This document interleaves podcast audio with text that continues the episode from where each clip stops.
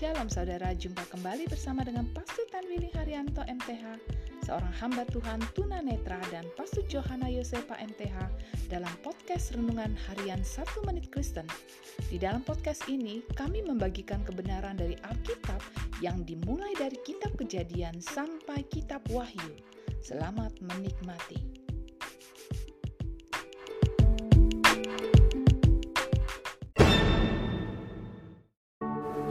Shalom saudara-saudara yang sangat berharga di hati Tuhan.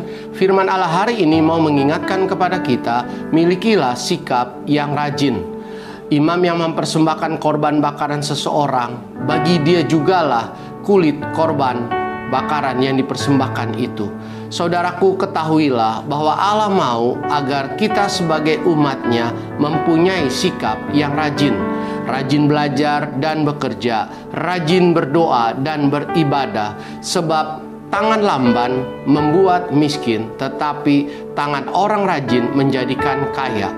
Ketika kita rajin, maka Allah akan memberkati kehidupan kita setiap hari.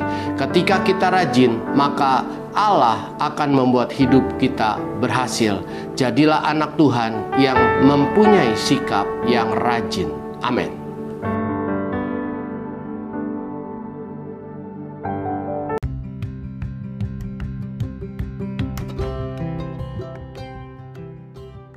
Kasih saudara telah mengikuti podcast Renungan Harian 1 Menit Kristen.